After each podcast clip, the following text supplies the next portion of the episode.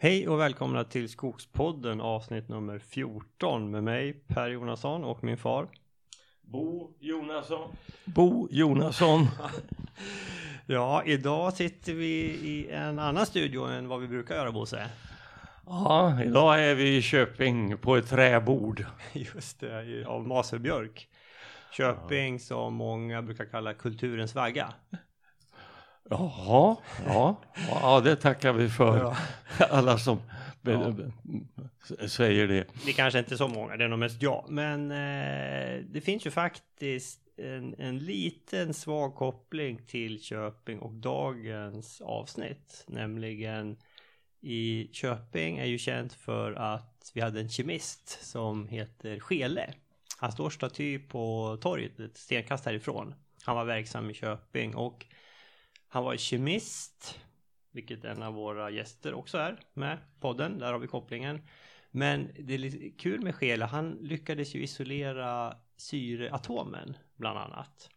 Och han eh, jobbade, han upptäckte volfram också, grundämnet. Mm -hmm. Mm -hmm. Och där finns en koppling, alltså eh, malm med mycket volfram heter ju chelit ifrån Skele. Och volfram, Bosse, vad heter det på engelska? Tungsten. Tungsten, precis. Tungsten, så där har vi kopplingen till svenska också. Ja, eh, det var inte det vi skulle prata om, det var ett sidospår. Men eh, idag har vi nämligen två mycket spännande intervjuer vi ska bjuda på. Det är, först kommer vi att lyssna på Sandra Frank, hon är marknadschef på Folkhem. Ni vet Folkhem som har byggt de här fantastiska husen i Sundbyberg, helt i trä, åtta våningar. Mycket vackra. Vi har pratat om dem i några tidigare avsnitt av podden. Ja, de här höghus i trä, det är ju någonting verkligen nytt och eh, som vi tycker är ett stort positivt framsteg. Alltså. Mycket, mycket. Och det är ju man eh, och när man har hört eh, Sandra prata om dem så man, man vill bo i ett sånt. Ja. Man vill först bygga ett och sen bo i ett. Ja. Precis. Det är lite kul för de där ligger ju precis mellan där jag bor och min arbetsplats. Och under en lång tid så passerade jag dem där, inte varje dag, men, men ett par gånger i veckan eh, cyklandes eller springandes och såg när de där växte fram, hur de kom våning för våning. Och ja, det var riktigt kul att se. Eh, ja. hur, hur höga är de? Ja, alltså det är åtta våningar. I meter vet jag inte Nej. riktigt. Vi ska ju påminna om det att fram till för ett par tiotal år sedan så var det ju förbjudet att bygga högre hus än två våningar i Sverige mm. i trä. Ja, precis. Befarad brandrisk låg bakom den bestämmelsen. Ja. ja. Nu är det andra bestämmelser. Man har ju insett att eh, det är inte så farligt. Plus att man har andra tekniker för att kontrollera det här. Eh, sen har vi en annan spännande intervju också. Jon Haag, han är alltså eh, Director eh, Consumer Insights på Billerud Korsnäs. Mycket spännande. Han berättar om, om eh, strategin som Billerud Korsnäs jobbar med. Och han berättar också om en, en, en strategirapport som de har jobbat med som, eh, som ligger till grund för mycket av eh, vårt samtal. Den, är, den kommer att släppas under Q1 för Eh, Eh, offentligheten då, så då får vi hålla utkik efter den. Men eh, man kan väl säga gemensamt med de här intervjuerna är att vi pratar eh, om nya användningsområden för trä. Och lite grann vad, vad, vad tror vi om framtiden för det här? Mycket spännande. Jon har en del väldigt spännande eh, observationer där som eh, vi ska lyssna på. Men innan vi drar igång dagens avsnitt Bosse ska vi presentera vår sponsor också, Husqvarna, en ledande tillverkare av utomhusprodukter såsom motorsågar, röjsågar, trimmers, gräsklippare med mera. De har också utvecklat en ny sågkedja som heter X-Cut som är väldigt effektiv och bra, funkar mycket bra. Den här, då har de en priskampanj på just nu. Eh, så gå in till 31 december, gå in och eh, kika på den på deras hemsida.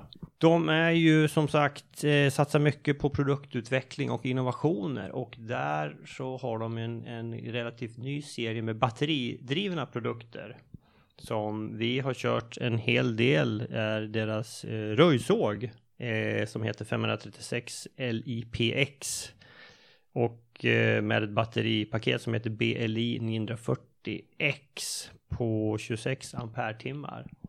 Det här har vi kört ännu mera nu sen vi pratade om den sist. Vi har nog röjt 5-6 heldagar med den här röjsågen. Positiva erfarenheter. Mycket positiva. Det vi har underröjt upp emot en 9 hektar ungefär tror jag. Det, det har ju gått väldigt bra. Ja, ja. Eh, det här är, det här är fullt användbar redskap även för seniorer. Det, det kan jag intyga. Eh, vi, vi, vi har röjt med framgång både ungskogsröjt och underröjt den här slutavverkningen. Mm. Och det har gått som en dans. Ja. Ja, du har kört den också Bosse och du gillar den också. Ja. Mm. Mm. Nej men speciellt vid den här underröjningen som vi gjorde där.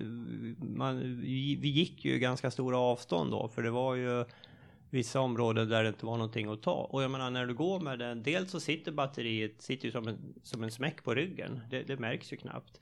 Och dels, ja när du inte kör den, då, då är den helt tyst. Och det är ju, det är ju väldigt smidigt. Väldigt positivt. Ja. Jag tycker ni ska ta och kika på de här produkterna och bilda er egen uppfattning. Men eh, för oss funkar det här väldigt bra och du slipper avgaserna och det här är väldigt bra för planeten också. Det här är bra för klimatet. Vi ska väl säga det också att vi har ju inte haft något problem med urladdade batterier. Utan vi har ju kunnat köra från morgon till kväll. Visserligen är det vintertid och ganska korta dagar. Men i alla fall, vi har inte blivit hindrade av ett tomt batteri. Nej, det har inte blivit. Jag har, jag tror när det var ner på lägst någon dag så var jag tror han är på 27 procent. Mm. Uh, och då, det var väl den dag vi körde hårdast då. Men vi, vi körde aldrig batteriet tomt då. Men, uh, så det, det håller bra. Mm. Och jag menar är du proffs och kör stenhårt. Ja men då kanske du har två batterier. Och jag menar för att ladda det här är ju det är bråkdelen av kostnaden jämfört med att tanka. Det enda man ska komma ihåg är att man måste fylla på olja till sågkedjan. Den eh, påminnelsen eh, får man ju inte som man fick förut när man tankade bensin. Ja, men eh, som sagt, bilda er egen uppfattning om de här produkterna. Eh, gå in på huskvarna.com och eh, surfa fram till den svenska sidan så kan ni kika på dem. Eller ännu bättre, gå till en återförsäljare och eh, känn och kläm på grejerna. Och just nu har Husqvarna en eh, kampanj på de batteridrivna produkterna. Det är 10 dagars pengarna tillbaka garanti om produkterna inte uppfyller era förväntningar. Eh, läs mer om det på deras hemsida. Bra Bosse, nu sparkar vi igång dagens intervjuer. Nu får Sandra ta vid. Nu tar Sandra vid. Hej Sandra och välkommen till Skogspodden. Eh, vi kan väl börja med att du berättar lite grann om dig själv och din bakgrund. Mm. Jag heter Sandra Frank och är, eh, min titel är marknadschef på eh, Folkhem och vi är byggmästar, vi är byggmästare eh, som bygger massivträhus i Stockholmsområdet framförallt. Eh, och från början, för min del, när jag började här för sex och ett halvt år sedan så handlade det om att jag skulle se till att våra lägenheter blev sålda. Ja. Sen byggde vi Strandparken i massivträ och så började förfrågningarna komma mm. om att få komma och besöka och se vad det var vi faktiskt gjorde. Mm. Från början så sa vi konsekvent nej. För vi är ett litet bolag, vi är tio personer här på kontoret ungefär. Eh, och så var jag så här, men det hinner inte vi. Men när det började ringa så här, världens största byggbolag och det var presidenter, vår egen statsminister ringde och ville komma. Så, så var vi så här, nej men då ändrade vi taktik helt. Så ja. vi sa, vi tar emot alla som, eh, alla som hör av sig egentligen så, så gott vi kan. Ja. Och idag har vi haft över 15 000 besökare från 150 olika länder. Oj! Så framförallt, så tidigare så har intresset varit absolut störst från utlandet. Mm. Och jag och Arne Olsson som vår tidigare VD heter och är väldigt engagerad i både skogsbruk och, och byggar, byggande. Vi har åkt runt världen höll jag på att säga. De där husen har tagit oss runt världen. Wow prata om dem och berätta om varför vi har gjort det där. Ja. För det visar sig att vi har byggt eh, några av världens högsta massivträhus helt och hållet i trä. Ja. Och det hade vi nog inte riktigt eh, klart för oss själva från början. Men framförallt att vi har löst frågorna ljud, fukt och brand. Ja. Vad, vad är bakgrunden då till att, att, de, att de blev i trä och att ni byggde dem? Mm. Jag skulle säga det är nog väldigt stor Arne Olssons eh, förtjänst där han har ett, eh, ett genuint eh, intresse för klimatfrågor och alltid har haft det. Han har tidigare varit eh, chef för bostadsbyggandet inom Skanska i 26 år och mm. velat hela tiden sökt sig till så här miljöfrågor och sådär. Ja. Men inte riktigt fick utrymme för det. Och sen så började han här på Folkhem för 12 år sedan. Mm. Och insåg att vi är så små så att om vi överhuvudtaget skulle få någon chans till att få mark i Stockholmsområdet så är det så här, vi måste göra någonting speciellt. Mm. Så Arne han tänkte att om vi bygger det absolut bästa man kan göra ur klimatsynpunkt eh, och även vi har en, en, gammal tradition i att eh, jobba med de bästa arkitekterna, att arkitektur också är väldigt viktigt för ja. hur vi mår. Så borde vi också få markanvisningar. Mm. Eh, så då bestämde vi oss för att bygga Strandparken, eller ritade Just det. För ni, ni samarbetar lite grann med eh, Rikshem också? Mm. Det, är ett, det är ett eh, mycket nyare, nyare del och det kom sig ur att Sven-Harry Karlsson som ägde Folkhem, eller som har startat Folkhem från början, eh, ville dra sig tillbaka och han, är, han fyller 85 nu i dagarna. Mm. För, för två år sedan ungefär. Eh, där vi ganska snabbt behövde Sven-Harry hade investerat massor med pengar i folkhem som, som han då ville få tillbaka. Och jättemånga var intresserade, eller ville köpa folkhem för att köpa våra markanvisningar mm. och, och, komma åt den mark som vi har. Eh, men Arne och Jonas som då fanns kvar som ägare uttalade tydligt att nej, vi vill hålla kvar. Vi tycker det är viktigt att driva trähusbyggandet. Så att vi kommer inte sälja till någon som inte är intresserade av att följa den linjen. Mm. Och då bildade vi ett gemensamt bolag till att börja med tillsammans med Rikshem. För att, som är ett, och det är Folkhem Trä som då är ett, ett markbolag egentligen där mm. vi drar in marken. Ja. Nu äger Rikshem det helt och hållet men där utvecklar vi projekt och ja, sen Så, så finansierar de marken och vi eh, Eh, vi, vi, delar upp det sen, mm. vem som bygger och Just det. hur det till. Och, och Rikshem det ägs då av AMF Fastigheter och Fjärde AP-fonden. Ja. Och där man, har, där man har uttalat vill ha en, en, en eh, klimatvänligt byggande. Mm. Eh, där, det var ju Mats Andersson heter han som, som var VD för eh, Fjärde AP-fonden tidigare som mm. har ett djupt engagemang i klimatfrågor också. Ja, ja. Eh, han är ju väldigt tydlig med att eh, eh, investerar man pengar på så lång, lång sikt mm. så är det sån otroligt regelverket i världen kommer förändras bara inom 5-10 år. Något mm. otroligt drastiskt. Så de kan ju inte ta risker när det handlar om våra pensionspengar och, och tider om, om 20-30 år i att investera i sånt som inte redan är förberett för klimatomställningen. Mm. Mm. Fantastiskt. Mm. Och, och, och, och då blev det de här Strandparken, hus, åttavåningshus i Sundbyberg. Hur har reaktionerna varit? Ni har haft massor med besökare där. Ja, men det är fantastiskt. Och det var jätteroligt. När var det? Förra våren så fick jag ett samtal från regeringskansliet och så sa jag hej, vi undrar om statsministern och vice statsministern. Så tänkte jag, vem är det? och det var ju Åsa, Åsa Romson. Men jag såg henne som miljöminister snarare. Mm. Men du vet så här när man...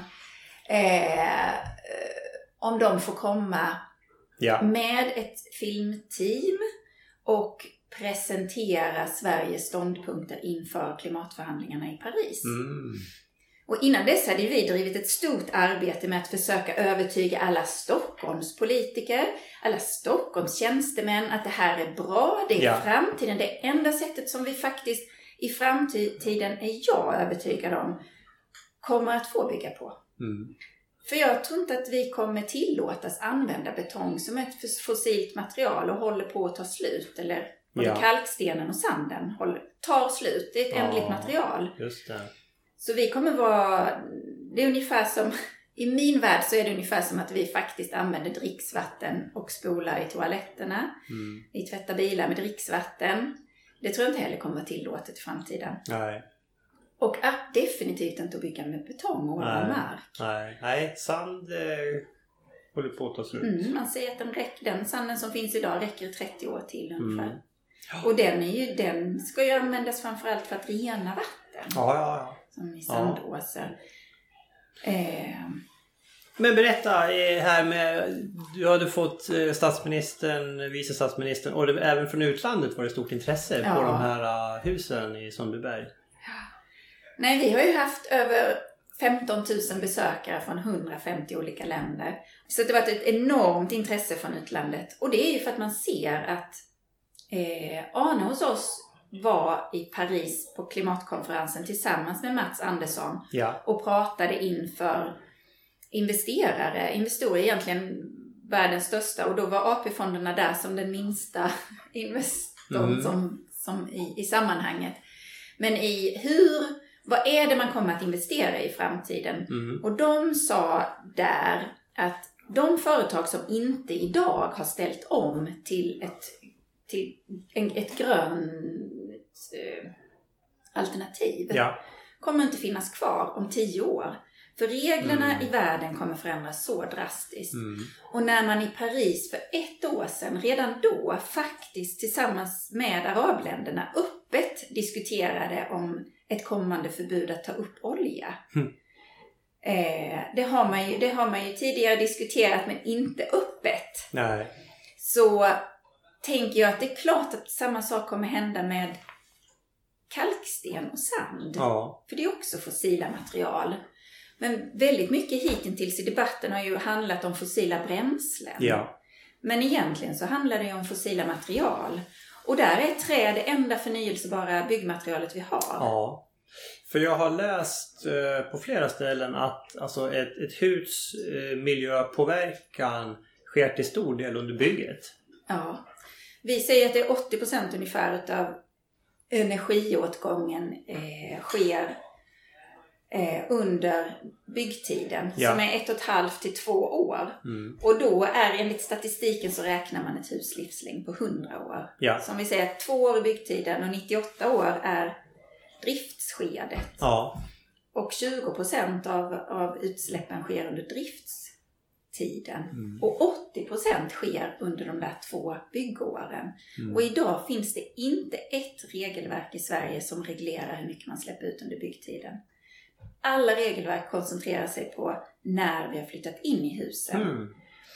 Och man pratar om, jag träffade någon på Boverket för någon månad sedan och man pratar om lågt hängande frukter. Ja. Och han sa men i Sverige vi har kommit så långt i, i driftsskedet så att allting som vi, eh, om vi skulle sänka, sänka energiförbrukningen när vi bor i husen till låt säga 10 Mm. Det innebär ju bara att 90% av utsläppen till slut ligger 100% av utsläppen under byggtiden. Och när ska vi börja prata om det? Ja. Ja, ja, ja. Vi behöver skifta fokus mm. på byggandet mera. Så där, okay, så där, och där är en stor fördel att bygga i trä då. Ja. Folk brukar fråga oss när de kommer till strandparken. Mm. Så är det så här, men betyder det, vad betyder det här då? Är det här huset klimatneutralt? Och då säger vi så här, nej, det här huset är inte bara klimatneutralt utan det kompenserar även för ytterligare tre hus byggda i betong. Ja. Det betyder att alla fyra husen är klimatneutrala. Mm. Ni har alltså ackumulerat mer koldioxid än ni har släppt ut under byggprocessen? Ja. Och det handlar ju mm. jättemycket om om skogen. Ja, ja, Hur precis. skogen tar hand om, om, egentligen äter upp den koldioxid som redan finns. Ja. Finns det några nackdelar med att bygga trähus? Eller utmaningar? Ja, men vi, alltså vi, har ju försökt, vi har ju pratat om det där jättemycket. Men de och vi lär oss nya saker varje dag om husen i Strandparken. Det är två stycken massivträhus där. Ja. Som folk bor i och hör av sig. Och, eh, just nu håller vi på med tvåårsgarantin på, på ett av husen. Mm. Eh, och de är ju fantastiska. De överträffar allting när det gäller eh, uppvärmningskostnader. Mycket billigare och de förbrukar mycket mindre energi än vad vi hade räknat med. Eh, det är nej men underhållsdelen. Nu har vi, nu har vi valt att ha har cederspån mm. på, på fasaden. Då ja. Ja, egentligen. Och eh, den för leverantören så, så, så säger man att den ska vara underhållsfri och mm. hålla i hundra år ungefär. Ja, okay. Och det är ju ingen av oss som kommer leva och kunna egentligen testa det. Nej. Men, eh, eller troligen i alla fall. Men jag skulle gissa att de håller ännu mycket längre. Jag tänker det finns här, vi har en kyrka här i centrala Stockholm, Allhelgonakyrkan, som har en liknande fasadlösning och den är ju 160 år gammal. Mm. Hur kommer det sig att ni valde att ha töja på, på fasaden? Eh, ja, men vi pratade jättemycket om fasaden och ja. vi ville visa att det var trähus det handlade det om. Vara, så vi ville synas. att det skulle mm. vara, vara synas. Mm. Eftersom husen är så höga så det är svårt med panel stående, mm. att den hur, nu tänkte jättemycket på, men hur åldras huset? Hur, ja. Och här i Sverige där vi inte, vi är vana vid träpanel på småhus men ja. inte på så stora hus. Nej. Och den åldras ju lite fläckvis. Och då tänkte jag så här, men om man, om man väljer en, en sån här fjällpanel som mm. redan är brokig. Ja. Så får man titta idag i Strandparken två år senare så ser man att balkongerna som sticker ut, de har redan börjat gråna. Ja. Under balkongen är det väldigt skyddat från både vind, regn och sol. Där är de fortfarande så här jätterödbruna. Ja. Så att de åldras olika. Och då ville vi ha någonting som där det var enklare att vänja sig vid det. Är det stående panel till exempel så måste man bryta den och så blir det, det är en mycket mm. flammigare känsla. För att ja. under en tioårsperiod så, så åldras träet väldigt olika och ganska flammigt. Ja. Och då är det så här, men är, är svenskarna, är storstadsborna eh, mogna att möta det? mm. Jag bara tänker om man kunde ha gjort någonting med typ med gran eller asp ja, och liknande. Vet du vad, vi har faktiskt provat på ett eh, sågverk i Hälsingland nu med kärnfura. Ja. Som har stått ute. Nu kommer det bli andra vintern. Men lite så här, vi vill jättegärna, vi vill använda ett svenskt material ja. helst. Men så här, vad finns det för då vill ni ha kärnved alltså från fura? Ja men det är ju det. Alltså, vi vill ju att det ska vara någon kvali- någonting som håller och att det ja. inte spricker, att det inte spricker rakt igenom. Eh, för det handlar ju också om att så länge man kan ha det underhållsfritt desto bättre är det för de som bor i husen sen ja. när man ska ta hand om det. Så att, eh, för det är ju också en ny del i att massa människor inte är vana vid hur tar man hand om trähus. Ja. Nej, nej, nej. Nej, precis. Intressant. Ja, nej, men vi har ju ofta i podden har vi pratat om det här med riktigt gammal tall. Då får man mycket kärnved. Mm. Och eh, just avsättningen till det. Vad gör man med den? Vi har pratat om kyrktak och så vidare. Men det här kan ju vara fasadbeklädnad Absolut. trähus. Ja, för vi letar verkligen. Ja men vi har en del tall som är runt 150 år som vi kan, eh, kan komma till användning. Ja. ja. men eh, du gled undan lite grann om det, nackdelar just med ja. att bygga i trä. Ja men vet du, jag glider undan för att vi har, vi har inga uppenbara nackdelar. Nej. Och jag började fundera. Kostnaden? Eh, ja, det är ingen nackdel. Egentligen. När vi byggde Strandparken så byggdes det ett hus i Sverige det året i massivt trä. Mm. Eh, och för oss var det en, egentligen en prototyp. Det första huset vi byggde och man får ju se en stor del liksom som en lärpeng. Ja. Eh, men så fort fler kommer att börja bygga och beställa mm. eh, de här KL-skivorna så, eh, så kommer de sjunka i pris i att man, att man faktiskt kan leverera så himla mycket mer. Mm. Eh, men det är inte där den stora kostnaden ligger, eller det är en kostnad. Problemet idag skulle jag säga, det är att, som en fråga vi också håller på, eller försöker driva, det är att kom, eh, upphandlare, både på företag och kommuner, eh, jämför vad säger man? Äppelsorter med äppelsorter, päronsorter med päronsorter. Ja. Och jämför och titta inte egentligen på hela fruktkorgen. Vad kostar den? Mm, Eller titta okej. på vad kostar ett färdigt hus? Och den stora fördelen med att bygga i massivträ, det är ju att vårt hus i Strandparken reste vi och stod, det stod färdigt på sju månader. Mm, Och normalt i byggbranschen är 21 till 24 månader. wow. Så den här delen att vi faktiskt skulle kunna bygga tre gånger så många hus på samma tid Ja. är lika med att man använder samma antal personal som kan bygga tre hus istället för ett. Mm. Pengarna använder man till tre hus istället för ett. Eh, en jättestor kostnad är ju faktiskt etableringen, att ha, att ha Ja. den. Så det är massa sådana initiala eller engångskostnader som är oavsett hur många hus man bygger. Mm. Där är ju pengarna att, att, att tjäna. Mm. Nu är räntorna så himla låga så att då är inte det, då är det inte kapitalkostnaden jättestor. Nej. Men låt säga att, att, att, att, att det händer någonting eh, inom ett par år. Så, så att låna pengarna tre gånger så kort tid. Men inte bara att låna dem, att också få tillbaka dem. Mm.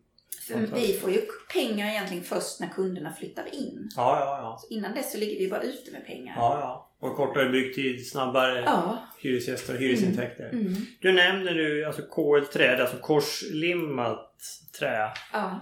Eller cross-laminated timber på engelska. Och det här, det, här köper ni från Martinsson? Ja. Vi har gjort det till Strandparken eh, och egentligen handlar det om att det bara då fanns eh, Martinsson i Sverige. Ja. Eh, men också att de har det bästa systemet i världen skulle jag säga. ja. För det är alltså inte bara KL-träet. Det finns jättemånga som levererar KL-trä och det, det är fler och fler som bygger i, i bara i KL, alltså själva den här eh, korslimmade trädelen. Mm. Men Martinsson har kommit, alltså i, jag tänker så här i framtiden i Stockholm men, och i städer men även, jag vet att New York är på väg att bygga sitt första massivträhus. Mhm. Och där i större städer, Paris bygger man jättemycket och London bygger man mest i hela världen Jaha. i KL-trä. Ja. Eh, men där finns det kulturella anledningar till att man har, väljer att inte visa träet utan man sätter sen tegel eller puts utanpå. Jaha. Men London bygger otroligt mycket i KL-trä just Ja, nu. ja. Och, eh, och Sverige exporterar också väldigt mycket dit. Okej. Eh, Martinsson bland annat. Ja. Men då tänker jag så här att i framtiden så kommer det vara en kostnad även på när man bygger, om vi, om vi tar New York som ett bra exempel på, mitt på Manhattan.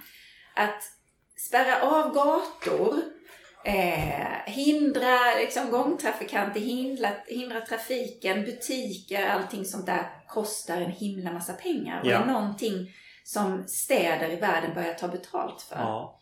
Och att då eh, betala den avspärrningskostnaden i sju månader istället för i 24 månader är också en del Ja, som kommer hamna på byggkostnad i framtiden. En annan del som jag vet som vi har drivit jättemycket i, eh, i Sverige och eh, frågan är om vi kommer få regelverket här först eller om något annat Mm. land kommer före. Men det är så här, men hur ska man göra för att byggbranschen släpper ut är, är den bransch i världen som skitar ner vårt klimat mest. Ja. Och eh, hur kommer man till rätta med det? Och det här som vi pratade innan med de 20 procenten, som- Mm. eller de 80 procenten som sker under de där två Under bygg, byggåren. byggåren. Ja. Då är det så här, men så har politiker varit så här, men vi kan inte föreskriva ett visst material. Nej, varför inte då? Så här, är det någon som borde ta ställning när det gäller klimatfrågor så är det ju faktiskt politiker. Ja. Så jag efterlyser fler modiga politiker. Mm. Eftersom det uppenbart inte finns tillräckligt med modiga företagsledare inom byggbranschen. Mm. Eh, men då är förslaget att okej, men då föreskriv inget material. Men sätt ett tak på hur mycket man får släppa ut under byggtiden. Mm. Och sen får var och en välja själv vilket material man väljer att bygga i. Men då får man också, precis som flyget, betala om man väljer att släppa ut mer än det som ja, taket ja, ja. säger. Så om du fick skicka med en uppmaning till vår bostadsminister Peter Eriksson. Mm. Vad skulle det vara? Mm, det är precis den uppmaningen och den har jag redan pratat med honom om. Sätta ett tak på, på, på utsläppen. Mm. Koldioxidutsläppen är väl det viktigaste kanske att börja med. Varför? Eh, ja, det, det låter som att det bara är många fördelar att bygga i trä. Varför byggs det så lite i trä som det gör idag då? Nej men det är väl precis det, där som, det här som vi har varit inne på. De flesta stora byggbolagen har egna, har de inte egna cementfabriker så är de delägare i en. Mm. Eh, många har kvartalsrapportering. Det kostar pengar, det kostar tid framförallt att, att ställa om eh, till att bygga med någonting okänt, något man inte känner till. Ja. Hel, vi har en hel yrkeskår i Sverige. Vi har en hel forskningskår. Vi har en hel eh, drös med människor som är jätteduktiga på att mm. bygga i betong. Men alldeles för få som eh, kan träbyggande. Mm. Och där är, ett, det, där är ett problem. Men också att det är ju så mycket, det som man har gjort hundra gånger förut är ju såklart lättast ja. och också då billigast för stunden att göra ja. hundra första gången. Ja. Men någonstans så måste man eh, bestämma sig för, för att ändra. Det behövs lite mer nytänk och våga satsa Absolut. lite på. Absolut! Byggbranschen är ju en av de mest konservativa branscher som i alla fall jag känner till. Jag är otroligt frustrerad över det. Att det finns en brist på ovilja till innovation. Om du tittar på skogsbruket då, som, mm. det, som jag representerar då. Vad, vad, vad kan vi göra från skogsbrukets sida? Ja, ni verkar ju också väldigt ov ovilliga till förändring. Men det är väl det där också att man behöver bra exempel, man behöver se vad man kan göra med skogen. Mm. Eh, och, och också bli övertygade om att det är framtidens sätt. Mm. Vi har ju tagit... Så att ni, vad ni behöver, jag träffade en grupp med ganska, eh, vad, vad, säger man, människor med makt inom skogs, skogsindustrin. Eh, och där vi diskuterade så här, men, men vad, där deras främsta mål är ju naturligtvis så här, men hur kan vi tjäna mer pengar på skogen? Mm. Då kom vi fram till att i det här skedet så är vi många som måste gå ihop. För att, eh, för att ta marknadsandelar för betongbyggandet. Mm. För man säger att, att, när det gäller flerbostadshus så skulle jag tro att betong, alltså 90-95% av alla hus byggs i betong och stål. Ja. Eh, det finns en hel del, i alla fall om man tittar på massivträhus är det inte många som bygger. Eh, och då, för att ta, mm. att vi kan inte se oss som konkurrenter och att, att ni ska sälja eh, skogen dyrt till oss i det här skedet.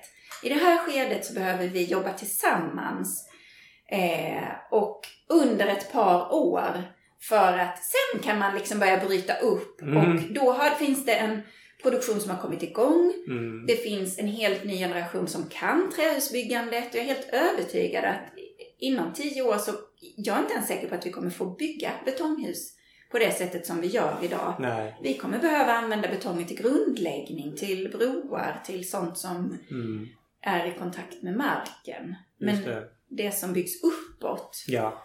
Så mera satsning från eh, liksom, skogsindustrin? Ja! Mm. Bygg kolträfabriker. alltså, nej, men, mm. För det är där, det, det, kommer behövas. Nu köper ju vi från Estland, Lettland, Litauen. De är otroligt duktiga. De har dessutom kvar kunnandet i form av hantverk. Ja, ja, ja. Som, aldrig, som de inte har tappat liksom, kontakten med. Det har ju vi i Sverige mycket mer.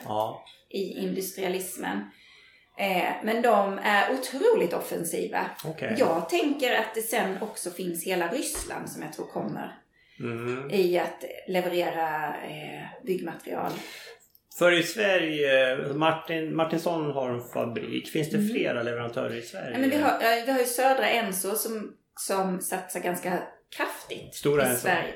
Ja, Stora Enso, förlåt. Ja. För de har, de har ett par fabriker i Österrike? Ja, de har en fabrik i Österrike. Men också en på gång i Värmland som ja. de ska öppna. Ja. Och ja, det finns fler. Eh, och där är väl egentligen, tror jag, formationer. folk som, som går ihop för mm. att investera i mindre fabriker, sågverk och annat. Och det är egentligen inte så himla mycket som behövs. Nej. Hur ser era framtidsprojekt ut? Vad har ni på gång härnäst? Du, du nämnde i Hagastaden ja. då alltså, Ja, men det är Hagastaden som är det absolut mest spännande. Och det är ju byggt, och där kan vi också se ytterligare en fördel av att bygga i trä. Hagastaden är en, en stadsdel som kommer byggas på en överdäckad motorväg ja. som egentligen bind, kommer binda samman Solna och Stockholms ja, stad. Just det. Så vi bygger, och trä är också ett väldigt lätt material. Mm. Eh, som väger, har vi nu fått exakta siffror på den här, vad den här konstruktionen väger. Och det är ju nästan en, ganska exakt 35% av vad betonghuset väger. 35%? Ja. Mm. Wow. Totalt sett med, med, ja. med allt, allt i husen. Det innebär ju också att man eh, kan bygga egentligen tre gånger så höga hus. Ja. Eh, på grund av vikten. Men här är det ju framförallt att man kan bygga på mark som tidigare har varit obrukbar. Ja, ja, Väldigt mycket kajer eller där det är sankt, där mm. det har blivit, är för dyrt för att påla jättemycket. Så behöver man inte påla alls wow. lika mycket. Och här är det alltså hus som är upp till 13 våningar som de här, de här tornen är. Där alla laster går ner i tunnelväggarna. Så det är otroligt komplicerade hus konstruktionsmässigt. Ja. Och någonstans verkar det som att vi dras till komplicerade projekt eller så här situationer. Men det också, blir också väldigt spännande. Eh, det är hus som kommer få uppmärksamhet av den anledningen från ingenjörer tror jag ja. i, i hela världen. Hur kan man det här möjliggör ju att bygga på platser som inte tidigare varit möjligt. Ja. Mm. Men är, alltså, om vi hoppar tillbaka till Hagastaden. Är det ja. beslutat eh, att ni kommer att gå igång och bygga de här husen? De här eh, ja, det är det. fyra husen? Ja. ja. Och det är tillsammans med Rikshem. Så ja, att, eh, När börjar mm. det? Nej men det är i full gång nu på ritborden och räkneborden kan man ja. säga. Men näst, för om ett år ungefär så kommer man börja. Nu håller man på att bygga tunnelväggarna. Och, eh, då kommer vi att börja bygga grunderna egentligen, eller liksom källardelarna. Mm. Och mm. sen, eh, det är otrolig logistik där i att sen, hela, allting... Eh, hela Essingeleden pågår hela ja, tiden som man ja. får bygga på. Ja. Men det, det, det, är ju byggt ett antal hus där redan. Alltså. Ja, men det är på fast mark. Ah, okay. Så det är på Aha, sidan mot Stockholm. Okay. Där så det är, ni kommer ligga norr om dem? Ja, typ, mot, mot Karolinska. Karolinska. Mm. Ja. Om vi, om vi tittar lite framåt, hur, vad tror du 10-20 år framåt, hur mm. ser det ut då? Du, du nämnde här i början att du tror om 10 år så... så Nej, jag, jag är helt övertygad om att vi kommer, inte få, vi kommer inte bygga så här som vi sitter mitt i Hammarby sjöstad och varenda hus är byggt av betong. Mm. Sa jag det tidigare? Cementindustrin släpper ju ut mer än dubbelt så mycket som flyget. Eh, det kommer inte vara tillåtet. Nej. Vi kan inte, alltså, flyget släpper ut 2-3% av all koldioxid i världen. Och bara tillverka cementen, cementindustrin, släpper ut 5%. Och det är en fråga som inte ens diskuteras. Hur Nej. kommer det sig? Ja, det flyget, där politikerna pratar om, om flyget varenda dag, men ja. det är en pytteliten del om man tittar på byggandet. Ja. Så därför, jag tror att nästa steg är, det liksom byggandet är på, det, man kan inte ducka längre. Nej. Eh, så att jag är helt övertygad om att det, det, kommer inte vara tillåtet. Regelverket kommer säga att... Så det, är bara, det, är, det finns bara fördelar med det här? Ja, i min värld finns ja, det. Ja. Men framförallt, du frågade liksom vad jag tror om mm. framtiden om 10-20 mm. år. Då är vi definitivt där att det kommer liksom vi har städer som byggs i trä och jag, jag tror att det kommer vara tvingande. Ja. ja men helt klart så är ju alltså bygga, bygga fler familjehus i trä det är ju någonting som, som kommer att komma starkt. Absolut. Ja. Suveränt. Jag tror vi får sätta punkt här. Det var jätteintressant att träffa dig och prata med dig Sandra och det var jättekul att höra det här. Det var ju otroligt. Jätteskojigt. Ja, tack själv. Tack så mycket. Ja. Sådär, det var Sandra Frank som berättade om husen i Sundbyberg. Mycket spännande. Ja, verkligen. Och, och eh, härligt, bland annat den här ytbeklädnaden gör ju att man märker de här husen. Alltså. Det är ju spån av Töja. det nordamerikanska trädet. Just det. Ja. Väldigt vackert och man ser ju på långt håll att det här är ett trähus. Och det var ju som Sandra sa också en av eh, avsikterna med just att ha den här ytbeklädnaden. Och det är ju eh, väldigt positivt att det är så stor andel trä i det här. Riktigt rejält nordiskt trä ifrån, ifrån våra sågverk alltså och ursprungligen naturligtvis ifrån vår egen skog. Ja. Ja, ungefär runt tusen kubikmeter trä tror jag Sandra berättade att varje hus innehåller. Ja. Mm.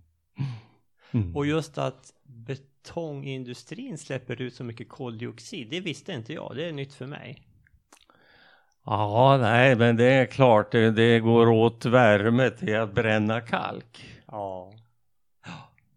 Och varje hus där i Sundbyberg klimatkompenserar alltså för tre konventionella betonghus.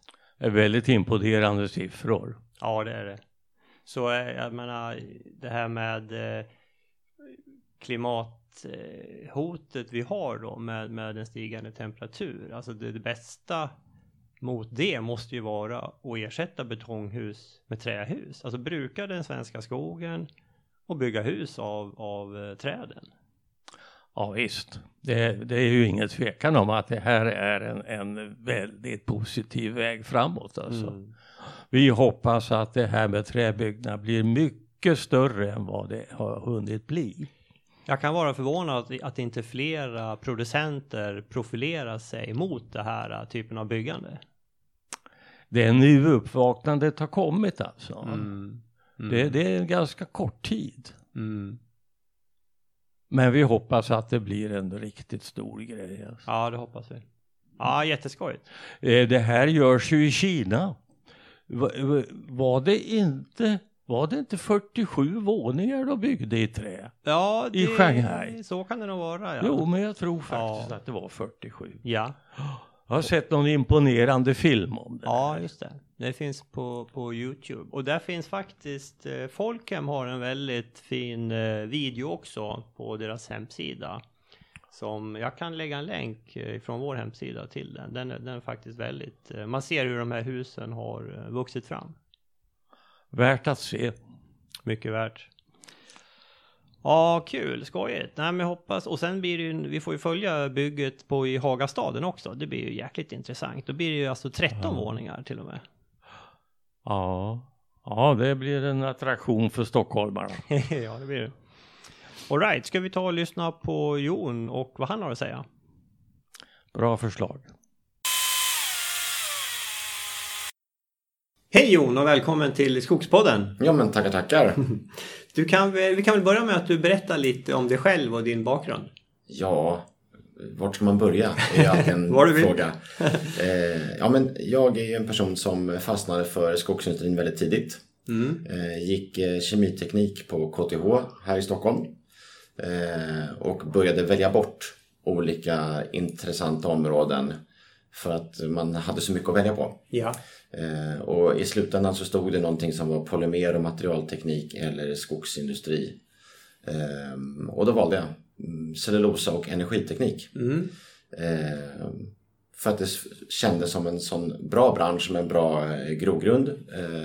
Lite konservativ och gammal där det förmodligen skulle hända mycket spännande. Mm. Och att det är ett väldigt brett spelfält vad det är man jobbar med. Ja. Och det har det nog visat sig vara också. Ja. Eh, sen har jag jobbat eh, i lite olika positioner. Eh, började på SCA mm. 97 och på forskningen där uppe. Och har sen varit konsult i lite olika konstellationer i kanske tio år efter det. Och det sista var att jag satt på McKinsey och jobbade med strategifrågor för lite olika bolag i branschen. Mm. Ett av bolagen var Billerud och jag klev över och ah. jobbade med affärsutveckling sen på Billerud sedan 2006. Ja. Och nu har vi blivit Billerud Korsnäs. Så att nu är det ett större bolag. Och vad är din titel här? Eh, det är Director Consumer Insight. All right. Och, eh, vad innebär det? Ja, vi brukar kalla det för eh, att försöka få ett bättre grepp om utifrån och in perspektivet. Mm. Alltså vad händer i omvärlden? Mm. Eh, vad finns det för eh, både problem och ambitionsnivåer mm. som både konsumenter, varumärkesägarna som producerar produkter och mat och så vidare. Ja. Men även politiker. Mm. Eh, hur det förändrar sig eller förstärks. För det är där vi kommer hitta framtida möjligheter. Mm. Det låter, du låter ju vara helt rätt person för det här då. För att det jag tänkte vi skulle prata om är just innovationer inom skogsindustrin eh, och kopplat till de, de, globala megatrenderna som, som du tog upp på Skogsforum för ett tag sedan som, mm. som var väldigt spännande. Mm. Så du, du kan väl eh, brodera ut lite grann. Vad, vad, ser du för... Ser du några nya användningsområden för, för skogsråvaran fram, framöver? Ja, absolut. Alltså, många mer än, än jag eller vi på Billerud Korsnäs ser väl att eh, går man tillbaks 100 och 200 år så var det ju väldigt många saker som idag görs i ett annat material som gjordes ifrån skogen. Ja. Eh, allt ifrån bestick och till förpackningar och påsar och det mesta inom hus och så vidare. Mm. Och sen har det kommit andra material eh, och konkurrerat och där borde man ju för första kunna vinna tillbaks då med tanke på bioekonomi och eh, att både nationer och egentligen hela vår planet eftersträvar fossilfritt eh, så finns det ju många möjligheter. Ja. Eh, och speciellt då kanske, jag menar skogsindustrin historiskt mm. har känts lite konservativ. Så det borde finnas, precis som du var inne på från början, ett, ett, ett uppdämt behov eller möjligheter. Just det. Och jag tror vi kommer lite från en vi har byggt fast oss själva lite i att vi ser hur vi har skogen på ett visst ställe och sen så ska vi producera väldigt höga volymer av någonting, vare sig det är plank eller massa eller kartong eller vad det nu kan vara. Och det, det där anses ju då vara kapitalintensivt. Ja. Att det är väldigt stora investeringar så fort man vill ta nästa kliv. Ja. Eh, och det har nog gjort så att, att, vi har varit konservativa för då vill man ju satsa på hyfsat säkra kort. Mm. Eh, och det som jag hoppas vi ser mer av framöver det är att vi börjar titta bortom bara produkten. Att det inte är bara 2 tum 4 plank eller att det är takstolar utan att det är hur bygger vi hus på kortare tid och så miljövänligt som möjligt. Mm. Eh, och då finns det helt plötsligt nya affärer att rikta in sig på. Mm. Titta lite mera på liksom egenskaperna, inte på materialvalet. Ja, precis. Alltså, mm. om, man, eh, om man ska sälja in någonting bara på grund av materialet då blir det väldigt gärna ett globalt eh, pris. det är en bulkvara ja. och då jämförs man över hela världen. Mm. Och så sitter ju till exempel vi i Sverige och har skogsråvara som har ganska unika egenskaper. Den är väldigt stark, den är väldigt vridstyv. Eh, vi kan förmodligen göra den bästa kartongen i världen eh, och massa andra egenskaper. Mm. Och då gäller det ju att se till att de funktioner som vår skogsråvara kan bidra till i samhället det är de funktionerna som man måste bli bättre på att ta betalt för. Mm. och det kan ju vara allt ifrån liksom bekvämligheten i blöjor eller inkontinensskydd mm. eller ehm, minskat matsvinn mm. från smarta förpackningar. Mm. Eh, och då måste vi börja titta på innovation utifrån inte bara produktutveckling utan produkt och en tjänst. Eller kanske till och med att tänka ett helt ekosystem. Mm. Eh, där man egentligen då säljer matsvinnsminskning. Mm. Eller vi kanske säljer eh, ökad kundlojalitet. Ja. Eh, till exempel. Ja, men, men där då produkter från skogen får en nyckelroll. Mm, mm, mm. Det, här, det låter, låter intressant men, men eh, inte helt enkelt att omsätta i praktiken. Har, har ni på, på Billerud Korsnäs något sånt här exempel eller något på gång inom, inom just den här nischen? Ja, vi har ju en del saker på gång och sen är det kanske inte allting vi pratar öppet om än men ett område som vi har varit uh, ute med publik det är ju Internet of Packages. Eh, och det är ju ett sökområde inom vårt eh, venturebolag. Mm. Eh, där vi har eh, bland annat då en investering i ett norskt företag som heter Kessler. Mm. Där de är ett av de bolagen som har den största ska man säga, algoritmmotorn för att göra unika koder. Mm. Och det kan ju vi då använda för att varje förpackning ska få en helt egen kod. Och då kan vi använda det till fler smarta tjänster. Och det skulle kunna vara att eh, hålla reda på vilken produkt som har sålts i vilken kanal. Mm. Alltså har produkten gått via distributionscentral och till ICA eller gick den via ett varulager någon annanstans och e-handel. Mm. Eh, och man kan ju kanske få konsumenten att vilja ta fram sin telefon och göra något med den här unika koden. Mm. Och då vet man att nu kom just den här produkten fram. Man kan fråga, blev du nöjd? Ja, ja. Eller är du inte nöjd? Vad kan vi göra bättre? Okej. Var det för mycket produkt i förpackningen eller var det för lite? Ja. Och där får vi helt nya möjligheter då att hjälpa varumärkesägare Ja, ja. att eh, göra smartare lösningar. Så varje produkt får en individuell, eh, ett, unikt nummer eller märkning? Mm. Ja, ja.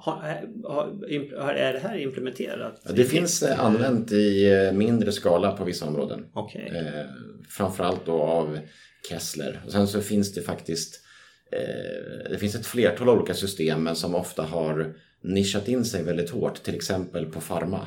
Mm. Så för väldigt specifika läkemedel så räcker det inte med det man förut kallade för batchnummer. Nej. Utan man måste veta på piller eller på förpackningsnivå Mm.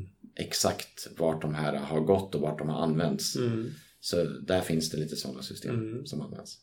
Intressant. Ja, ja, ja. Det är klart, då kan ju liksom företag, de kan se kanske Ja men du har, du har köpt den här produkten med, med den här uh, frekvensen och Mm. nu börjar det bli dags för dig att, köpa en ny. Så vi skickar en, eh, vi har en vara som vi skickar till dig. Ja, till. Sådana exempel. Du kan göra smartare då prenumerationslösningar. Mm. Eh, eller eh, gå in på rådgivning. Mm. Eller just bara titta på kundnöjdhet. Mm. Som är ganska viktigt. Då. Om, vi, om vi tittar lite på megatrenderna. Ja. så kan man ju säga att eh, någonting som kommer ut väldigt tydligt i megatrenderna är ju att vi får två starka drivkrafter. Den ena är då konsumentdriven Mm. där mycket mer eh, makt hamnar hos oss konsumenter. Ja. Ska saker bli bättre i framtiden då är det vi som måste göra jobbet. Vi måste ta mer medvetna beslut. Mm. Eh, där ligger mycket av hållbarhetstänket. Mm. Att vi flyttar in i storstäder. Mm. Att det blir mycket mer påtagligt hur vi märker att vi själva kanske har en negativ påverkan på miljön och så vidare. Mm. Men även eh, det som vi brukar kalla då bortanför demografi. Att det kanske inte bara är ålder och eh, ursprung och kön eh, och medelinkomst som är viktigt. Nej. Utan hur jag vill leva som person. Om jag tycker att jag är väldigt sportig eller om jag tycker att jag är en väldigt konstnärlig person. Eller kulturellt inriktad och så vidare. Mm. Det blir viktigare för att anpassa produkter Ja. än kanske ålder och kön. Det. Eh, Och den andra starka drivkraften är ju datadrivet. Ja. Att ju mer vi får, vi har ju kallat eh, några av de här megatrenderna då för digitalisering och konnektivitet, alltså uppkoppling överallt. Mm. Och jag kan ju kanske själv tycka att det är just uppkoppling överallt som är den stora trenden och inte digitaliseringen. Mm. Men det gör att vi kan få data att skapas när som helst automatiskt. Mm. Och då den datan kan ju då användas till bättre och bättre saker. Mm, just det. Ja men det hänger ju ihop då med de här individuella märkningen av, Mm. av kartongerna.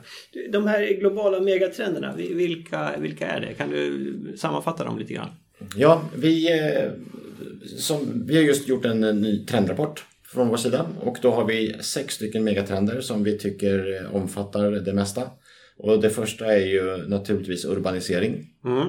Eh, och det är ju egentligen att folk flyttar in i eh, megastäder. Alltså städer med flera, flera miljoner invånare. En del Ja. drar gränsen vid 10 miljoner.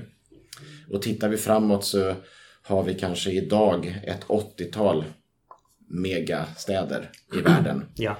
Och några av dem ligger i Europa och Nordamerika. Tittar vi framåt 2030 och 2050 då kommer vi ha 400 megastäder. Wow. Eh, och nästan alla nya kommer att ligga i Asien, I Asien. och Afrika. Ja, ja. Och så lite i Latinamerika också naturligtvis. Ja. Men det är, det är en förflyttning då mot eh, södra halvklotet Mm. och runt ekvatorn och ända upp då till egentligen norra vändkretsen. Ja. Naturligtvis. Ja, just det. Och så har du lite norra Kina också. Jaha. Där det finns mycket folk. Eh, och det flyttar ju en eh, stor makt och ett stort fokus då både från företag och från politiker till de här regionerna som inte har haft samma fokus Nej. förut. Eh, nästa är hållbarhetstrenden och den kallar vi, hållbarhet i sig är inte kanske en trend utan det är att nu sker hållbarhet överallt. Mm. Det är trenden. Att det, det händer nu. Just det, så vi kallar det för sustainability in action. Just det. Det är inte bara, vi, vi pratar inte bara om det utan det, det sker också. Och de tydligaste grejerna är att vi kan se att från eh, COP21 och Parismötet Ja. eh, och sen även nu då att man skrev på FNs Agenda 2030-mål med de 17 hållbarhetsmålen. Ja. Då har vi fått 193 länder i världen att vilja samma sak. Ja. Och det kommer att ge ett tryck Mm. för att vi måste lösa massa frågor gemensamt och inte bara egentligen det här två grader Nej. målet. ja, just det. Utan Även andra också. Ja. hunger och hälsa och utbildning och hållbar konsumtion och livet i haven och livet i skogen Ja. och så vidare. ja. Eh, All right. Hållbarhet. Ja, den tredje kallar vi för eh, eh, Mobility Revolution. Mm, mycket engelska här. Mm. Men det är egentligen eh, eh, transporter på helt nya sätt. Mhm. Och det gäller egentligen både gods och människor. Okej. För vi måste kunna förflytta både människor och varor Mm. mycket mer och mycket effektivare. Mm. Med mindre miljöpåverkan och helst utan då trafikstockning. Ja, tack. Eh, och där kommer vi ju se väldigt mycket hända, hända med både självkörande fordon, eh, mer robotar, Mm. mer drönare, eh, både i luften och på marken. Mm. Och, så vidare. Mm. Eh, och sen har vi eh, uppdelningen av värdekedjor. Kan man säga att traditionella värdekedjor slås sönder Mm. och eh, nya affärsmodeller och nya entreprenörer? Eh, är liksom de nya stjärnorna. Vad, vad kallar du den eh, trenden? Eh, Ja, vi kallar den för eh, transformation of traditional value chains. Så Okej. egentligen transformering av eh, gamla värdekedjor. Mm. Ja, just. Och värdekedja, det skulle kunna vara ett, en, en, en, skog eh, och ett eh, massabruk och en eh, fabrik som tillverkar papper. Just det. Mm. Eh, och som sen då ger pappret till en varumärkesägare som sen ska fylla en produkt i det och sen ska ut i Mm. butik. Eh, och nu har vi ju ett, eh, trenden går emot att vi hittar mycket mer korskopplingar. Och att du vill ha företag som själva producerar någonting och kanske vill ha direktförsäljning. Mm. Hoppar över butiksledet. Ja. Eller att du har eh, utveckling av nya lösningar inom hälsa och så har du utvecklingar över internet och helt plötsligt får du e-hälsa Mm. som inte fanns förut. Nej, okej. Eh, och här finns det då numera så mycket idéer du kan utnyttja. Mm. Både ny data, nya uppkopplingar Mm. som då gamla företag har svårare att göra för att de sitter fast med en ganska stor ryggsäck Ja. i fabriker och infrastruktur. ja, Eh, och då blir man ju utmanad oftare och oftare. just det. Så jag vet General Electric eh, har ju också det här som en stark trend och det, som de sammanfattar det så kallar de det för FOBO, Fear of becoming obsolete. Aha. Alltså, ja, ja, ja. Lite facitvarning liksom. Just det. Sitter kvar i en gammal teknik. Och... precis, så även stora företag som liksom producerar bilar Mm. blir idag helt plötsligt rädda för att det kanske inte går att sälja bilar på det sättet imorgon. Nej. Och det är kanske inte biltillverkarna som tjänar pengar på bilförsäljningen heller. Utan Nej, utan någon som eh, fixar datat och... ja, bilpooler eller hyrlösningar eller vad det kan Mm, vara. mm, intressant. Ja. Mm. ja, och femman då? Eh, sen har vi ehm, den här demografifrågan. Mm.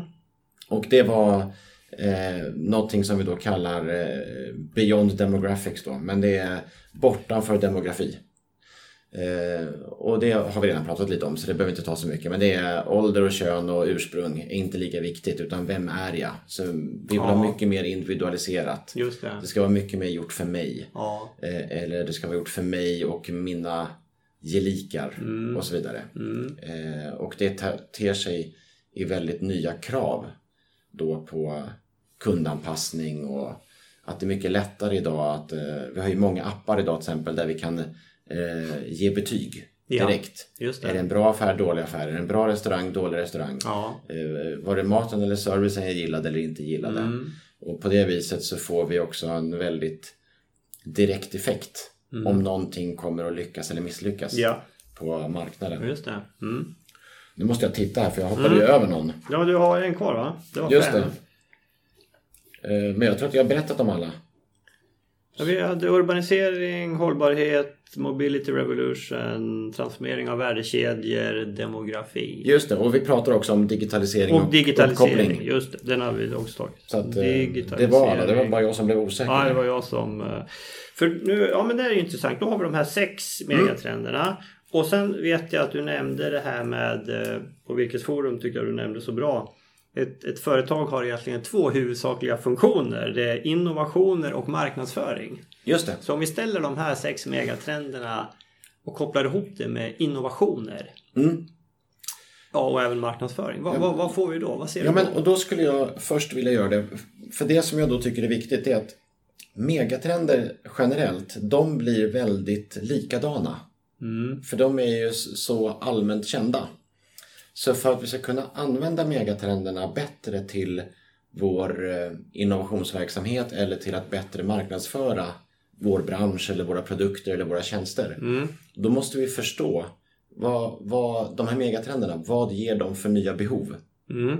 Och och det är någonting då som vi kallar för Future Business Perspectives eller framtida affärsperspektiv. Ja. Och de gäller ju inte bara oss på Billerud Korsnäs utan då gäller de alla bolag.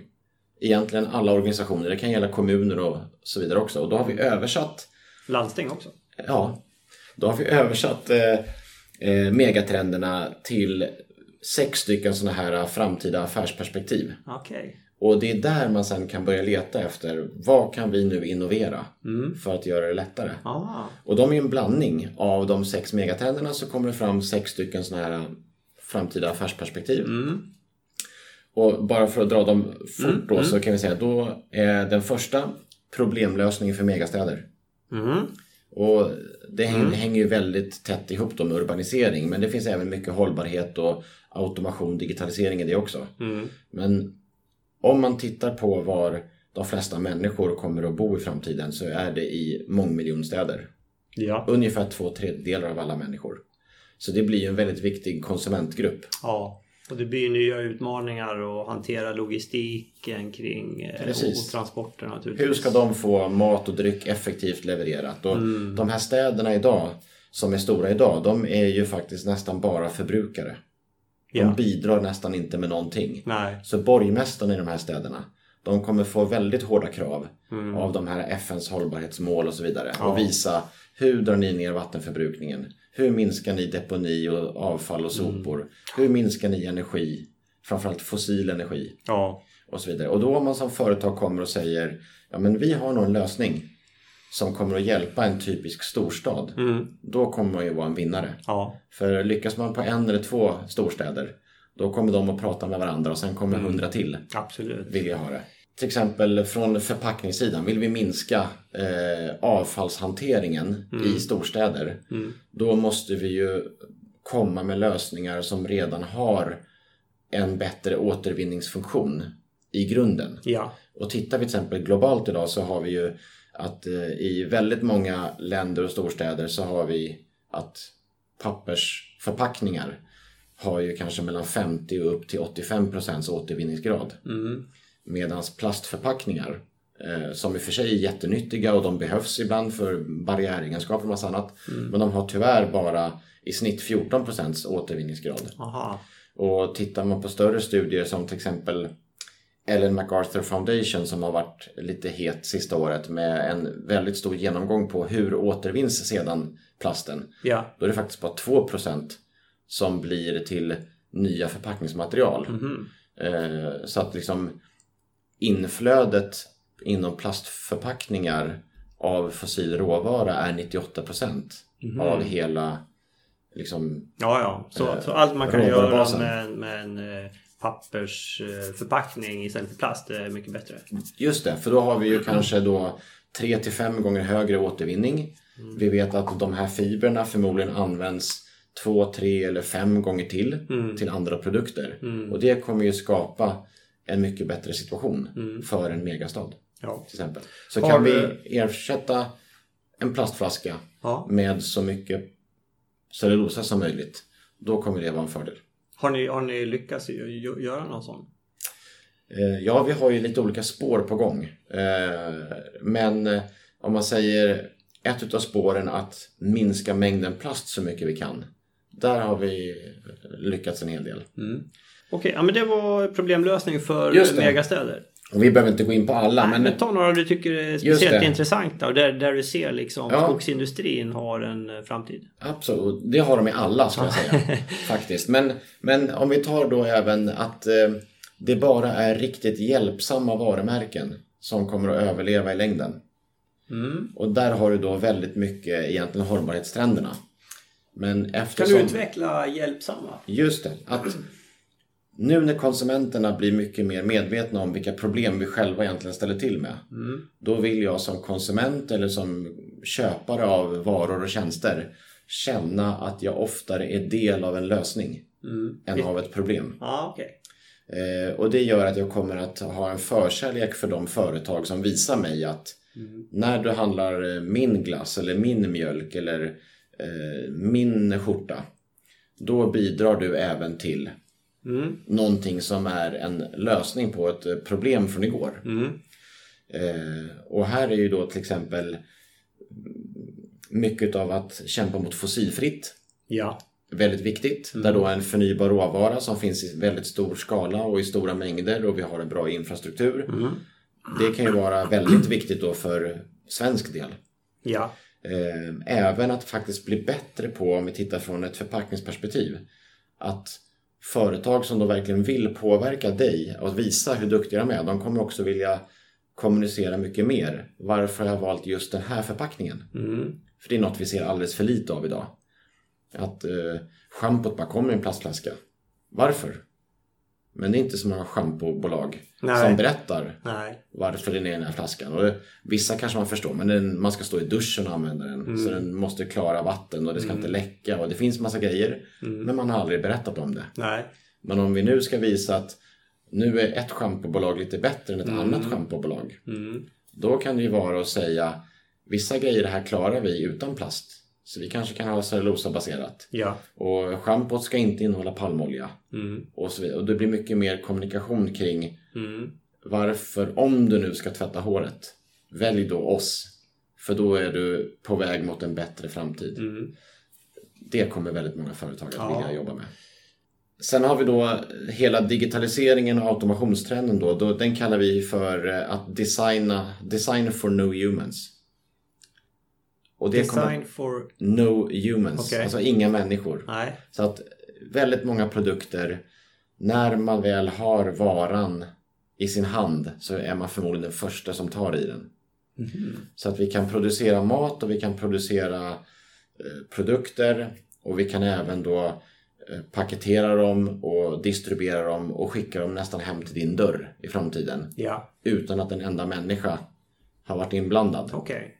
Och då kommer det bli att vi måste tänka på det Mm. och liksom se framför oss eh, hur mycket produkter som kommer behöva vara annorlunda Mm. för att en robot lätt ska kunna plocka och ta saker eller, Ja.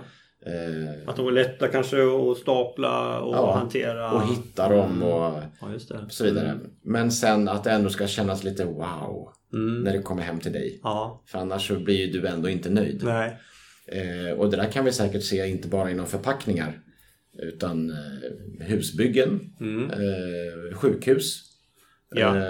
Så kommer det säkert att komma upp en liten robot till avdelning 8 Mm. och liksom leverera liksom ett, någon form av sjukhuskit Ja. Och då är det ju faktiskt läkaren som är den första som någonsin tar i de här produkterna. Mm. Eh, Okej. Och, och där kommer också behöva utvecklas då Ja. nya tjänster och produkter och ja, så vidare. Men om de här sakerna som du nu har beskrivit Jon, om, Mm. du, liksom, om du kopplar ihop det då till, till, eh, till skogsindustrin Mm. eh, i allmänhet och kanske Billerud Korsnäs i synnerhet. Ja. Vad, vad ser du, vad, vad tror du, vad, är- vad är på gång just nu och vad, vad ser du i framtiden 5, 10, 15 år framåt liksom? Ja.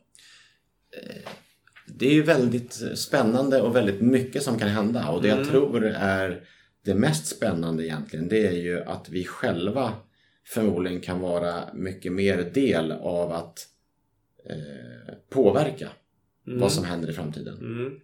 Eh, men lite som jag sa för en stund sedan att det finns liksom två starka drivkrafter nu och det ena är ju konsumenter Mm. eh, och det andra är mer datadrivet. Just det. Eh, då tror jag att många ska man säga, kortvinning, alltså kortsiktiga innovationer och vinster de kommer förmodligen att vara på den datadrivna sidan. Mm. För genom att lägga till eh, en tjänst ovanpå det man redan gör eh, och det kan ju vara spårbarheten från skogen till sågverket till eh, mjölkkartongen och så vidare Mm. Då, där finns det ett mervärde som man förmodligen kan lägga på ganska enkelt.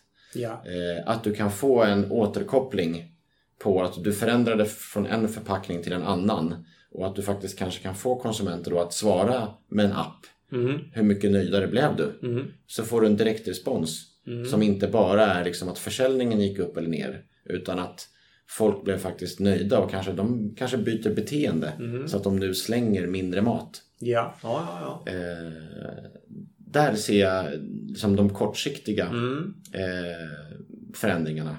Sen har vi ju, om man ska gå till botten och säga att vi ska även göra dagens produkter ännu mer bättre. Ja. Då krävs det nog mer forskning Mm. än eh, vad vi kanske har haft inom de här områdena i Sverige. Mm. För vi har varit ganska tunna på forskning och utveckling eh, sedan eh, 70 80-talet faktiskt. Inom, inom cellulosa? Inom skogsindustrin generellt, ja. skulle jag Mm. säga. Ja. Eh, och då har vi gjort ett antal satsningar, eh, både med hjälp av staten och med Vinnova. Vi har de här SIO-programmen, bioinnovation, Mm. där det finns eh, 50 miljoner per år för att just göra innovationer inom både produkt och tjänster. Ja. Det har jobbats här nu i två år för att få fram ett nationellt forskningsplattform Mm. Tillsammans med näringsdepartementet och utbildningsdepartementet. Mm. Och där ser vi också att vi kan göra en bättre kraftsamling Ja. eh, för att ehm, få många delar av Sverige att vilja dra åt samma håll. Mm. Eh, vilket jag tror är viktigt för att liksom höja forskningen och innovationen Mm. två, tre pinnhål till. Mm. För det var en annan fråga jag hade. Är vi idag tillräckligt innovativa? Dels inom skogsbruket och dels inom skogsindustrin. Om vi, om vi ser det som två olika. Jag tror att vi är ganska, alltså Sverige som land och som människor och som kultur är ju ganska öppna och kommunikativa. Mm. Eh, och vi delar gärna med oss lite åt höger och vänster Mm. av saker och, och kunskap. Vilket gör att vi är ganska innovativa. Ja. Tyvärr så har vi jobbat ganska mycket i silos. Så Mm. alla har ju under kanske 30 eller 50 år jobbat lite för mycket med att maximera sin egen fördel. Ja, ja, ja. Just det. Eh, Ja. Och det har nog hämmat oss lite. Mm. Att ehm, Mm. eh, man, man är rätt nöjd att veta att eh, jag får lite mer för min skog om fem år än vad jag fick i år. Mm. Eh, och så är jag lite nöjd med det. Ja. Eh, och det är inte riktigt eh, min ensak att ta reda på exakt vad ska mina träd faktiskt eh, tillverkas. Mm, jag håller Alltså- med dig. Ja, Det där är en observation vi har gjort, Ja. eh, jag och min far. Men just att det är en, en eh, det är lite för långt steg mellan skogsbruket och skogsindustrin och konsumenten. Mm. Så om du, om du då, då du som kan det här med konsumenter, om du, om du riktar dig mot de privata skogsägarna. Mm. Ja. Hur ska vi tänka tror du för att liksom spinna på de här globala megatrenderna och, och det som är på gång? Ska vi tänka volym? Ska vi tänka kvalitet? Gran? Tall? Nej, jag tror att man, det man skulle kunna göra det är ju att jobba mycket mer med det vi kallar för storytelling. Mm. Att man vi vill förmedla på något vis hur bra är just svensk skog. Mm. Eh, att, eh, och det finns ju många saker men om vi tar, vi har ju långsamt växande träd. Eh, de växer oftast, eh, det krävs 80 eller 100 år. Eh, och de tar upp jättemycket koldioxid som gagnar alla Mm. människor i Sverige. Eh, Hela världen till och med. Hela världen till och med, absolut. Och eh, liksom hackspettar och pärlugglor hinner förmodligen både flytta in, bilda familj och kanske flytta någon annanstans under den här tiden. Så vi, vi kan hantera det här med Mm. biodiversitet och allting. Ja. Och de mervärdena har vi inte riktigt lyckats kommunicera. Nej. Utan eh, då pratar det lite för ofta om kanske kalhyggen. Mm. Eh, och dit ska vi inte, det ska vi inte gå in på. Men om man istället kunde få det lite mer kopplat att när jag vill köpa ett hus då vill jag köpa ett hus som kanske har växt på ett visst ställe om det skulle gå. Mm. För då kan jag nästan gå och hälsa på träden Ja. i ett år innan. Och ett år senare så är det det som är mitt hus. Och då har jag fått liksom en koppling Ja. mellan skogen och mitt nybyggda hus. Ja. Eller att man kan ha med kunder ut på skogsexkursion som vi har ibland och så visar man hur mycket mossa och eh, liksom björnlav och renlav och Mm. Blåbärsris och allt vad det är. Mm. Eh, och, och sen så kan ändå ett stort företag känna att då vet jag att det är härifrån min kartong kommer att komma. Ja. Och den kan komma härifrån i år, om 30 år, om 50 år Mm. och om 100 år. Mm. Eh, och jag kanske till och med kan köpa lite mer om 100 år. Mm. För att den vårdas på ett bra sätt. Ja, ja. Och de emotionella värdena har vi inte varit så duktiga att prata om. Nej.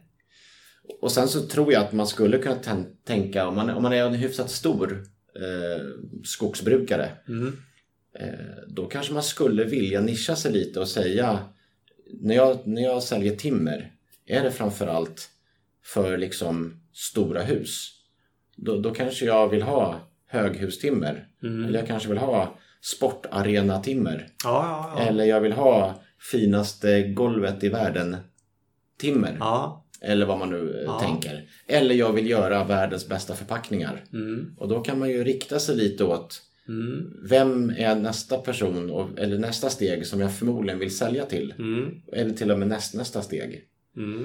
Eh, Ja men det är bra. Att man liksom ty tydliggör liksom. Ja men de här... äh, Det här tallbeståndet det vill jag... Det ska bli till... äh, Ja, till, till ett jättefint golv till exempel. ja, Ja men det, jag håller med dig. Och där tror jag... Där kan nog alltså ni från äh, skogsindustrin liksom hjälpa till och, och bidra med era exempel. Att, jag menar som till exempel Billerud Korsnäs. Jag vet att ni är ju väldigt duktiga på fina förpackningar till, till typ whiskyflaskor och present eh, ja visst. förpackningar Chanel, och- och... Mm, Precis, för jag menar annars tänker man ja, leverera till, eh, till en massa industri, det blir tidningspapper. Men, men så ser det ju inte ut. Utan, eh, utan det, det, en del blir det också, men väldigt mycket blir ju fina förpackningar också. just det. Ja, så en tätare kontakt där mellan skogsbruket och eh, industrin eh, och slutkund. Ja. Det är ju vi överens om. Det Ja, men det är en bra grej. Någon, någonting för att bygga stolthet tror jag också. Det är ju att veta att överallt där vi ersätter fossilt så har man gjort väldigt stor nytta. Ja. Men det är också så att man kanske vill känna att en, en viss del av min skog ska också gå till väldigt långlivade produkter. Ja. För ja. då, då används de ju länge eh, och de har blivit en kolsänka. Mm. Eh, och liksom det kan finnas en stolthet i att eh, man själv vet om.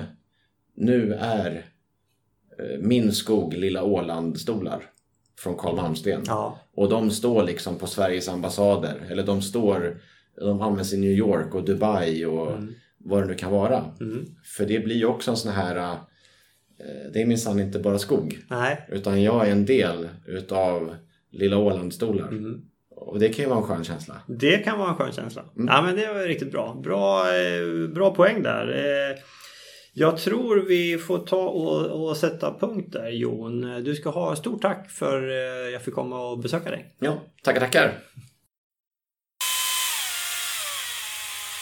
Ja, där hörde vi Jon och eh, vad han berättade om eh, megatrender och, och lösningar på det. det var ju som sagt mycket av det vi pratar om, eh, eller tas upp i den här eh, strategirapporten som de eh, håller på med eller har precis släppt. Men just nu bara internt då på Billerud Korsnäs. Men under Q1 sa Jon att den kommer att bli offentlig. Så då kan vi läsa mer om det här. Och det är ju likadant, man slås ju här av, av det här som Jon berättade med, med plast. Eh, flaskor kontra eh, cellulosa. Jag menar, återvinningen av plast är trots allt lägre än vad jag trodde. 14 procent nämndes. Ja, och det är ju inte så mycket. Jag tycker man eh, pantar här flaskor titt och tätt, men eh, ja, det går åt ganska mycket fossil råvara till att producera det helt klart. Ja. Ja. Det vet jag att Billerud Korsnäs eh, och säkert andra också jobbar ju med till exempel flaskor i cellulosa som även kan ha kolsyrade drycker. Ja, just det. Ja. Och det kan ju bli någonting här också, just det här som trenden som, som Jon berättade om, att som konsument vill man vara en del av lösningen, inte en del av problemet. Och jag menar, säg att det finns att köpa då flaskor som är cellulosabaserade istället för plast. Ja, är man smart då så då, då köper man ju de flaskorna istället. Ja, ja det är en viktig miljöinsats som konsumenterna kan göra hela tiden genom sina val ja. och sitt beteende. Eh, Jon pratar ju mycket om det här med megastäder. Ja. Eh, det, det är ju en, en viktig del av den här strategin efter vad jag förstår. Och han pratar om möjligheter att återvinna papper i megastäder jämfört med att återvinna plast. Mm. Och eh, där har ju pappersprodukterna en, en, stor, stor fördel jämfört med plasten. Mm. Just det, och, och, andra smarta förpackningar som gör att matsvinnet kan bli mindre på olika sätt. Ja, också det. Ja. Mm. Mm. För hela, hela avfallshanteringen kring de här äh, megastäderna. Det blir ett sånt enormt sopberg om vi inte ändrar vårt eh, konsumtionsmönster eller äh, förpacknings... Ja, hur, hur förpackningarna fungerar. Mm. Ja, jättekul att få en insikt i det här att, och att det här att, att man, man jobbar i våra eh, storföretag på det här viset tycker jag det är väldigt skojigt att höra. Kul att se utvecklingen och kul att se vart det här tar vägen någonstans. Men, men helt klart så känns det som att den skog vi sitter på det är ju en, en guldgruva där vi hittar fler och fler tillämpningar på den. Skogen blir viktigare och viktigare. Ja. Eh, just de här dagarna så offentliggörs ju den här investeringen som Billerud Korsnäs eh, planerar i Grums i Värmland. Var det 5,7 miljarder? 5,7 miljarder kronor. Ja. Fantastiskt. Eh, en, en ny hypermodern kartongmaskin. Mm. Och Jon säger någonstans här att eh, Billerud Korsnäs ska göra världens bästa kartong. Mm. Ja. Och det får vi väl tro det att det blir i bland annat Grums. Det, det är vätskekartong plus eh, två andra kvaliteter var det. Just det. Mm. Och eh, på kort tid här då så har SCA, Södra Skogsägarna och Billerud Korsnäs eh, kört igång eller i alla fall offentliggjort planeringen av jätteinvesteringar mm. i svensk skogsindustri. Mm. Klart positivt. Mm. det är ju skojigt. Ja, vi eh, odlar så mycket skog vi kan. Bra skog också. Ja, inte minst. Ja, vad hade vi mer Bos? Eh, jo, det var en sak till. Jag, eh, vår, på vår hemsida, eh, skogspodden.se, där kommer jag lägga upp en liten eh, enkät som eh, vi skulle uppskatta om ni eh, går in och ägnar 5-10 minuter åt att fylla i. Eh, dels så skulle det vara kul att veta lite mer om våra lyssnare, vilka ni är, men framför allt få tips om hur kan vi göra podden bättre? Vi vill ju utveckla den så att den blir bättre, mer relevant. Så vi kommer ställa några frågor om det och sen också är det det här med eh, något som Bosse och jag har bollat lite grann och vi har även fått någon fråga om det här med att anordna en exkursion. Antingen i Bergslagen eller i Småland.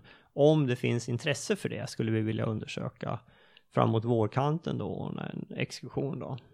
Då skulle vi ju handgripligt visa det här den här skogsskötseln som vi har pratat ganska mycket om. Eh, precis vad, hur den ser ut på plats. Ja men det vore ju skojigt. Så, men det, vi ska undersöka om det finns intresse hos er då och lite grann vilket område som passar bäst också. Så. Ska, vi, ska vi säga det också att podden i fortsättningen här, eh, den här gången så är vi ju en liten bit ifrån skogen i värdekedjan som, som skogen ingår i. Eh, men vi kommer inte att släppa det här med det jordnära skogsbruket. Eh, utan eh, det är ju ändå vårt huvudbudskap. Det jordnära skogsbruket som framförallt det privata skogsbruket kan ägna sig åt. Ja, och det som vi vill kalla det kreativa skogsbruket. Precis, den kreativa skogsvården som ger det kreativa skogsbruket. Ja, ja. Nej, den ska vi ju inte släppa. Men däremot så är det ju kul att komma lite närmare industrin, tycker jag. Det är ju så nödvändigt det här alltså, att det finns en eh, konkurrenskraftig, modern, miljövänlig industri som tar över mm. där där skogen har avverkats. Ja, ja men och, och, precis, och det är ju, det är ju Jon inne på, ju mera vi vet vart våra vart skogen ska användas till, ju bättre kan vi ju liksom anpassa skötseln och även jobba med marknadsföringen. Ja, men det här ska bli eh, KL-trä i nästa 20-våningshus till exempel. Ja, det vore ju jättekul att kunna visa upp en sån skog. Ja, Mm. Så där, där hade, tycker jag Jon är en bra poäng. Mm. Ja, nej men du har helt rätt. Vi ska naturligtvis eh, blanda med den jordnära skogsskötseln också. Men vi, jag menar, vi kommer ju att fortsätta med vilja, mod och uthållighet. Kommer vi att fortsätta även nästa år med eh, poddar. Så jag menar om tre veckor kommer det en ny. Ja, så den kan ni se fram emot. Ja, då ska vi tacka eh, Sandra och Jon för vi fick eh, träffa dem. Mycket spännande. Och vi ska också tacka vår sponsor Huskvarna. Gå in på deras hemsida huskvarna.com och kika på deras olika kampanjer de har nu. Dels för deras nya kedja X-Cut men även för deras batteriprodukter. Passar ju perfekt att kika på det nu så här inför jul. Några avslutande ord Bosse innan vi eh, lägger det här avsnittet till handlingarna? Vi önskar alla lyssnare en god jul och ett gott nytt år. Det gör vi. God jul och gott nytt år så hörs vi in på nästa år. Tack för oss. Tack från mig också.